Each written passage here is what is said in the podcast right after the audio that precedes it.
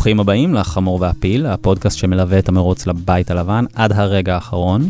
אני נתנאל שלמוביץ. אני מורן שריר, והיום אנחנו נעשה בעצם סוג של מדריך אה, למי שרוצה לעקוב אחרי התוצאות בזמן אמת. האם שווה להישאר ער, לאיזה שעה כדאי לחכות, איזה מרוצים אה, חשובים אה, לצפות להם, ומה בכלל צפוי לנו אם אפשר לצפות משהו בטירוף הזה בליל הבחירות. וגם אולי אה, מה, מה קורה ברשות המחוקקים הזאת. נכון. שאלה. כן. אז יאללה, בוא נתחיל.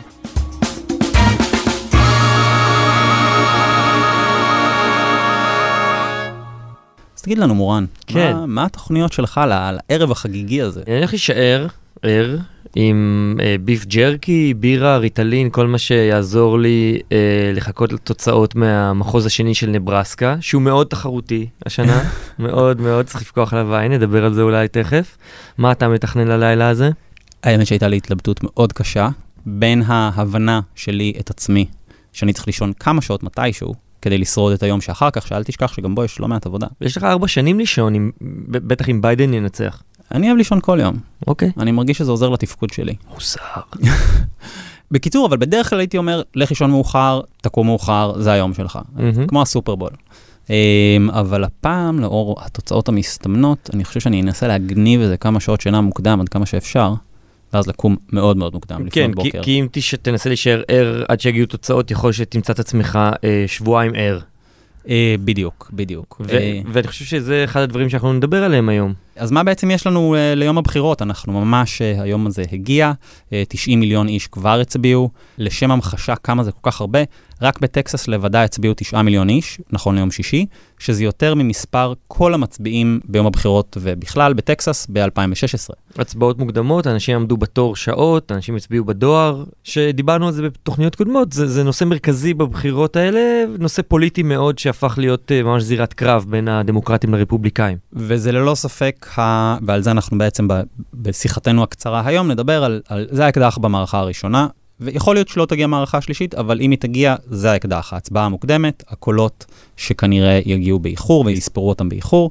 אמ, שמסורתית אה, נותנים אה, יתרון לדמוקרטים בהצבעה מוקדמת, בעיקר בדואר ובכלל. נכון, במיוחד הפעם, כי בעצם רוב האנשים שמצביעים, או לפחות לפי הערכות, רוב האנשים שמצביעים מוקדם, זה בדיוק האנשים שמפחדים לה- להגיע לקלפי, משמע אנשים שחוששים מקורונה, משמע בארצות הברית, שמאלנים. ולכן יש כמה מדינות שאנחנו רוצים להתמקד בהן, כיוון שמתוך החמישים לא כולן מעניינות. אז אולי תספר לנו על איזה כמה מדינות מעניינות, ומה, ומתי אנחנו יכולים להיות דרוכים ולכוון את השעון אליהן. אוקיי, אה, בשתיים בלילה שעון ישראל, אה, התוצאות הראשונות אמורות להגיע, אה, זה שבע במזרח, במזרח ארה"ב, נסגרות הקלפיות בכמה מדינות, אני רק אגיד אה, שבשעה הזאת אמורות להיות אה, תוצאות מוורמונט ווירג'יניה, שהן כמובן, כצפוי, ילכו אה, לביידן, ומדרום קרוליינה, אינדיאנה וקנטקי ילכו לטראמפ, לכן זה פחות מעניין, אבל בשעה הזאת נסגרות הקלפיות גם בג'ורג'יה. מעניין. מדינה מאוד מעניינת, מדינה אדומה מאוד מסורתית, אבל uh, הבחירות שם מאוד מאוד uh, צמודות עכשיו. ונחזור אליה גם בסוף הדיון שלנו היום. נכון. בגלל שהן צמודות, אני חייב להגיד, יכול להיות שלא יהיו תוצאות בשתיים בלילה כשיסגרו הקלפיות, בגלל שזה יהיה מאוד מאוד צמוד ומוקדם להכריע, אבל כן חשוב לשים לב למה שקורה בג'ורג'יה, כי טראמפ חייב את ג'ורג'יה בשביל לנצח, אה, יהיה לו מאוד מאוד קשה לנצח בלעדיה, אם לא ילכו להצביע בשבילו שם. ביידן לא חייב את ג'ורג'יה, אבל הוא מאוד מאוד רוצה. ואם נגלה אה, ממש בשתיים בלילה שעון ישראל, שג'ורג'יה הולכת אה, ל- עם טראמפ, אז אוקיי, זה... זה אה, לחכות.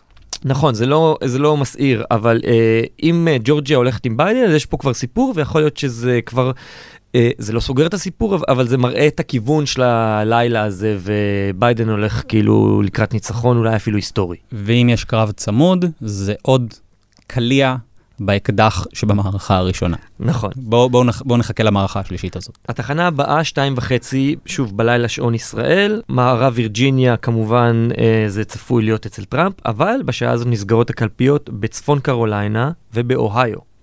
שתי מדינות מעניינות. מעניינת איש. מאוד, נכון? צפון קרוליינה צמודה, זה battle state קלאסי בבחירות האלה.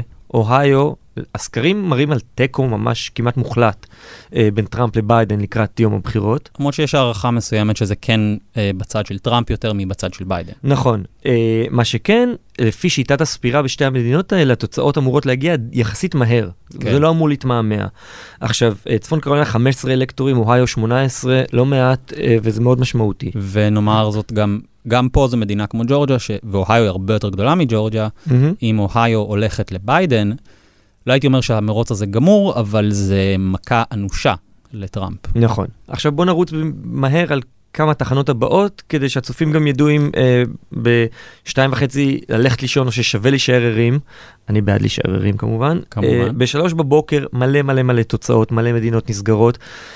ניו אינגלנד בגדול אה, ועוד מדינות אה, דמוקרטיות, אה, דלוור, מרילנד, ניו ג'רזי, אילנוי, זה יהיה בטח אה, כן. ביידן. טראמפ הולך לקבל את מיסיסיפי, מיזורי, טנסי, אלבמה, אוקלהומה. מי שנסגר בשעה הזאת זה פנסילבניה. המדינה. הפרס הגדול של הבחירות האלו, פלורידה המפורסמת, והמחוז השני של מיין, שזה... שזה... מישהו צריך לשים לך. גבולות, מישהו אוקיי, צריך לשים לך אוקיי, גבולות אוקיי. פה. לא מדברים על מיין בפודקאסט הזה. מאה אחוז. אז רק נגיד שפנסילבניה, עם כל הכבוד לה, לא יהיו תוצאות בשלוש בבוקר כנראה, אלא אם כן יש שם איזה ניצחון סוחף שזה לא צפוי, כי אסור לספור את הקולות שמגיעים בדואר עד יום שלישי בבוקר, אז, אז זה ייקח עוד כמה ימים. פלורידה לעומת זאת, 29 אה, אלקטורים, והיא אמורה להיספר די מהר, לפי השיטה שם. פלורידה היא המדינה הראשונה שנדע אצלה את התוצאות, נכון? המשמעותית. מבין שתיהן, נכון, כן. אה, מבין שתיהן, כן. ופלורידה היא מדינה שלפחות לפי רוב ההערכות ורוב המסלולים האפשריים של טראמפ לניצחון, בלי פלורידה אין טראמפ. למרות אה. שאולי דווקא מבחינתו זה שמח, הוא סוף סוף יוכל לחזור לשחק גולף full time, לא יודע, אולי הוא ישמח. ולהשקיע באוניברסיטאות שלו. יותר זמן עם אשתו. כן. אני בטוח שהם ייהנו מזה. לכולם. ולמי שבאמת רוצה אה, להשקיע באמת, יכול להישאר עד 4 בבוקר, נסגרות קלפיות בוויסקונסין, מדינה שדיברנו עליה הרבה, אריזונה, טקסס, אה, מישיגן, מיניסוטה, מדינות מאוד מאוד מעניינות. ואפשר גם לומר שמי שיקום פשוט יקיצה טבעית, בשעה אפילו מאוחרת, עדיין לא ידע מה קרה בהוואי. אה, נכון. אני- יודע, אנחנו יודעים מה קרה בהוואי, זה אנשים נכון. אה, אכלו גריל, חזיר צלוי. אולי רצו להצביע שוב לאובמה, נראה. אז אלה המדינות שלנו בעצם, אה, שאותנו מעניינות, שאנחנו נצפה בהן, כמובן נתעניין בהכל, אבל נכון. אם אתם צופים, זו המלצתנו. ולסיום, לפרק הקצרצר הזה, לא נתפרס עכשיו על כל הבחירות לקונגרס, הרי יש לנו 435 חברי קונגרס שכולם עומדים לבחירה מדי שנתיים, משמע כולם רצים עכשיו, אז תעקבו אחרי כולם. הדמוקרטים צפויים, לפי הסקרים, לקחת אה, את הרוב שוב. ננסי פלוסי צפויה להיות יו"ר בית הנבחרים שוב. לעומת זאת, בסנאט יש רק שליש מהסנאטורים עומדים להצבעה. יש מרוצים חשובים יותר ופחות, יש מרוצים שגם שם אנחנו יודעים לה- להניח ש, שרפובליקאים ינצחו, שדמוקרטים ינצחו, כחולים אדומים וכולי. איזה מרוץ נגיד מעניין אותך? לסנאט. בסנאט, שלדעתך מאזיננו אה, ירצו לדעת. העיניים שלי על ג'ורג'יה. שוב אתה עם ג'ורג'יה. כן, ג'ורג'יה. לפחות זה לא מיין. ג'ורג'יה on my mind. אוקיי, אוקיי. כן, שבאופן קצת חריג, שני המושבים של אה, ג'ורג'יה בסנאט אה, עומדים להתמלא, זאת אומרת, בדרך כלל אין, לא מצביעים באותן בחירות כן. לשני המושבים בסנאט, והפעם יש שני מרוצים. אחד קצת אה, פחות מעניין, אותי מעניין אה, הניסיון של אה, דויד פרדו, הסנאטור המכהן, אה, לשמור על המושב שלו ולרוץ לכהונה שנייה, כשמולו יש מועמד מאוד מעניין, ג'ון אוסוף, בחור די צעיר, בן 33 נדמה לי, כן. יהודי, כמובן. יהודי מאטלנטה. משלנו. הוא משלנו, והוא עושה לו די בית ספר. האמת אה, שהוא מדהים. כן, הוא עיתונאי חוקר בעברו. כן. אה, צופים לו עתיד גדול ב- במפלגה, אה, וזה לא מובן מאליו המעמד שלו שם, אתה יודע, בסקרים הם ממש כאילו כמעט תיקו. אה, והוא תוקף אותו חזק על איך שהוא מצביע על אה, חוק הבריאות, ובעיקר על נושא ספציפי, שזה מאוד מעניין, על איך יום אחד בינואר האחרון אה, דיוויד פרדו התקשר למנהל אה, תיק ההשקעות שלו, והחליט להשקיע פחות במניות של חברות תעופה ויותר במניות של אה, אה, מכשור רפואי, וזה היה בדיוק ביום, בינואר להזכירכם, אנחנו לא ידענו מה קורה, אה, שהסנאט קיבל תדרוך אה, מסווג חשאי. על מגפה בשם אה, קורונה, ופרדו עשה דן חלוץ והתקשר ל, אה, לאיש המניות שלו ושינה הכל, זה, זה על פי אה, אה, תחקירים, ואוסוף פשוט התלבש עליו על זה, ואפשר לשמוע איך הוא תוקף אותו בעימות האחרון שהיה ביניהם. בוא נשמע. Well, perhaps Senator Perdue would have been able to respond properly to the COVID 19 pandemic if you hadn't been fending off multiple federal investigations for insider trading. It's not just that you're a crook, Senator. It's that you're attacking the health of the people that you represent. You did say COVID 19 was no deadlier than the flu. You did say there would be no significant uptick in cases. All the while, you were looking after your own assets and your own portfolio, and you did vote four times to end protections for pre existing conditions.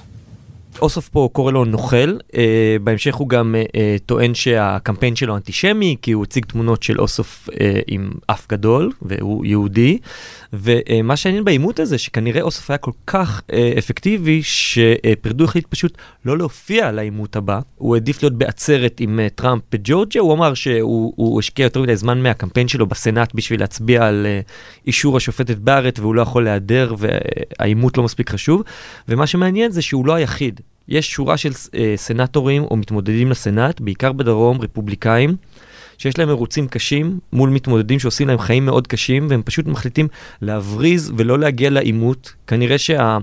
הנזק אה, אה, מהפחדנות ומההברזה אה, קטן יותר מהנזק שיש בהתמודד מול האנשים האלה.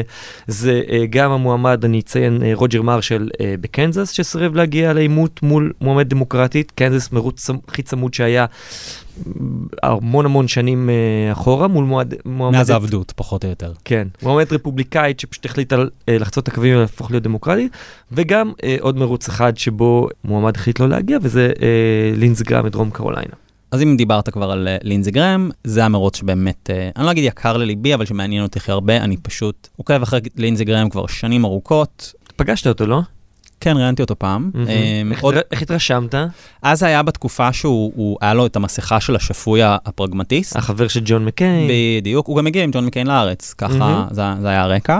אמ, והוא היה כזה, אתה יודע, מבריק, והוא כזה הצביע לפעמים עם השמאל, והוא כזה, הוא היה אקדוחן שמשחק לפי הכללים של עצמו, זה היה ה vibe שהוא מכר את עצמו. אחרי שהוא עלה עם כל הגינגריצ'ים ב nineties, הוא כאילו כבר החליף כמה מסכות. והוא גם היה הכי אנטי-טראמפ פחות או יותר במפלגה הרפובליקאית ב-2016. הוא נכון. היה ראש המחנה. זאת אומרת, אני ממש זוכר איזה סצנה שהוא שיחק ב late night אה, משחק ביליארד, שבו הוא דימה את הכדורים לראש של טראמפ, והוא קרא לו ש-he should go to hell, כל מיני דברים כאלה. היום הוא הטראמפיסט מספר אחת. כמו הרבה רפובליקאים, הוא השתכנע בגדולה של הנשיא. הוא מעבר להשתכנע, הוא באמת הפך להיות... הוא משכנע. הפר... בדיוק, הוא, הוא הפרצוף של השקר, כן? הוא, הוא, גם, הוא גם, אתה יודע, היה לו את המשפט המפורסם לפני כמה שנים.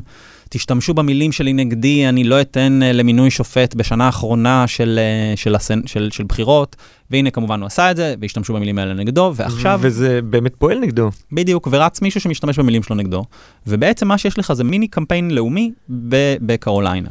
זאת אומרת, הוא מסמל את כל מה שטראמפ מסמל כרגע, עם השקרים ועם העובדה שהוא מתעניין, שהוא משחק גולף ולא אה, דואג לאנשי אה, קרוליינה, אה, ומולו עומד מישהו שפשוט מנצל את זה ופורט על זה, אה, קוראים לו ג'יימי הריסון, הוא שחור, הוא בן 44, שראוי לציין את העובדה שהוא שחור במיוחד במדינה הדרומית הזאת. שיש לה היסטוריה ארוכה כמובן של גזענות, יש mm-hmm. לה מקום מרכזי בעבדות, שם נחתו חצי או פחות מחצי מהעבדים שהגיעו לאמריקה.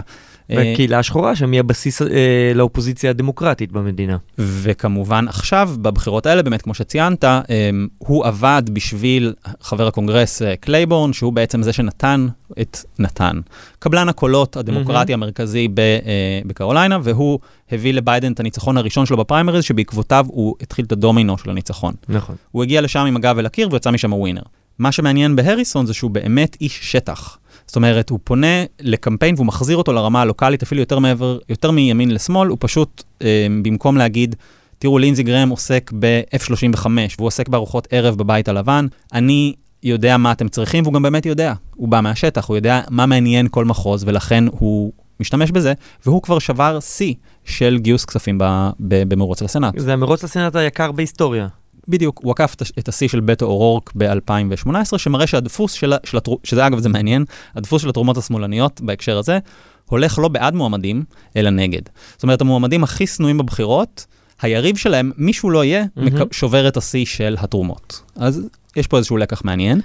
אה, ולכן התוצאות בדרום קרוליינה גם נחשבות כמעין מיני משאל עם. אם שם אה, לינזי גרם יפסיד, אה, זאת תהיה חתיכת מכה אה, לממשל טראמפ ולכל המדיניות הרפובליקאית בעצם. וחשוב לציין גם שהעניין שלנו במרוצים האלה, מעבר ל... אה, לא יודע, פיקנטריה, זה, זה לא איזה עניין של גיקים שאוהבי בחירות אה, אמריקאית, אלא, אלא יש לזה משמעות מאוד מאוד גדולה. ראינו את זה במינוי של השופטת בארט, בזכות הרוב המאוד יציב שהיה לרפובליקאים בסנאט, יחד עם נשיא רפובליקאי, הם פשוט עושים מה שהם רוצים. שראינו גם ארבע שנים קודם לכן בדיוק את התרחיש ההפוך. היה לך את הנשיא אובמה, והיה לך מיעוט דמוקרטי בסנאט, ולכן הוא לא הצליח להעביר שופט עליון. נכון, בזכות הרוב הזה, אה, גם אם לא רוב מאוד מאוד גדול, אבל רוב יציב, אה, ובזכות השופטת אה, גינזבורג שסירבה לפרוש כמובן, קיבלנו את הרוב המטורף שיש לנו עכשיו בבית המשפט העליון, ואלה המרוצים, כמו שאתה ציינת, של לינזי גרם, או שאני ציינתי, של אוסוף ופרדו, זה לא רק באמת בגלל שהמועמדים צבעוניים ומעניינים, אלא יכולה להיות להם השפעה אדירה על היכולת של ביידן אם ייבחר, אה, להעביר אה, רפורמות וחקיקה משמעותית, כי בלי הסנאט הוא לא יוכל לעשות את זה. כשהדגש, הייתי אומר מבחינת הקהל הישראלי לפחות, זה שגם שם רצה מדיניות החוץ. מאזן הכוחות בין הקונגרס לבית הלבן, פחות או יותר נשען על, ועדת החוץ בסנאט. אוקיי, אז אפשר לומר שדיברנו בעצם על אילו מדינות מעניינות אותנו, אילו מרוצים בסנאט קצת מעניינים אותנו, ומה כדאי לצפות ופחות או יותר מה השעות הרלוונטיות שאפשר לדעת ולהריח מה, מה קורה. וכמובן ישנו התרחיש הלא בלתי סביר בשום צורה, שבו פשוט לא נדע מה קורה כי אולי יהיה קרב צמוד במדינה חשובה, שלא לא יוכרע ב- בליל הבחירות עצמו, ולכן אנחנו אה, פשוט נהיה במתח על פני זמן מה. זו אופציה שצריך להיערך אליה גם. כן, אה, אמרנו מה צפוי להיות בערב הזה, אבל יש המון דברים שאי אפשר לצפות, בעיקר בבחירות כאלה, אז אנחנו נהיה פה בשביל לסקר את זה בכל מקרה. נכון, אנחנו נהיה פה ביום רביעי, אה, ישר נוכל לדבר על התוצאות כל עוד הן אה, זורמות. הלומים מהלילה. אה, אני מקווה להספיק איזה כמה שעות שינה, אבל אני ממליץ את זה גם לאנשים אחרים, שינה זה בריא. אז אה, אנחנו עוד אה, נתראה. בהחלט.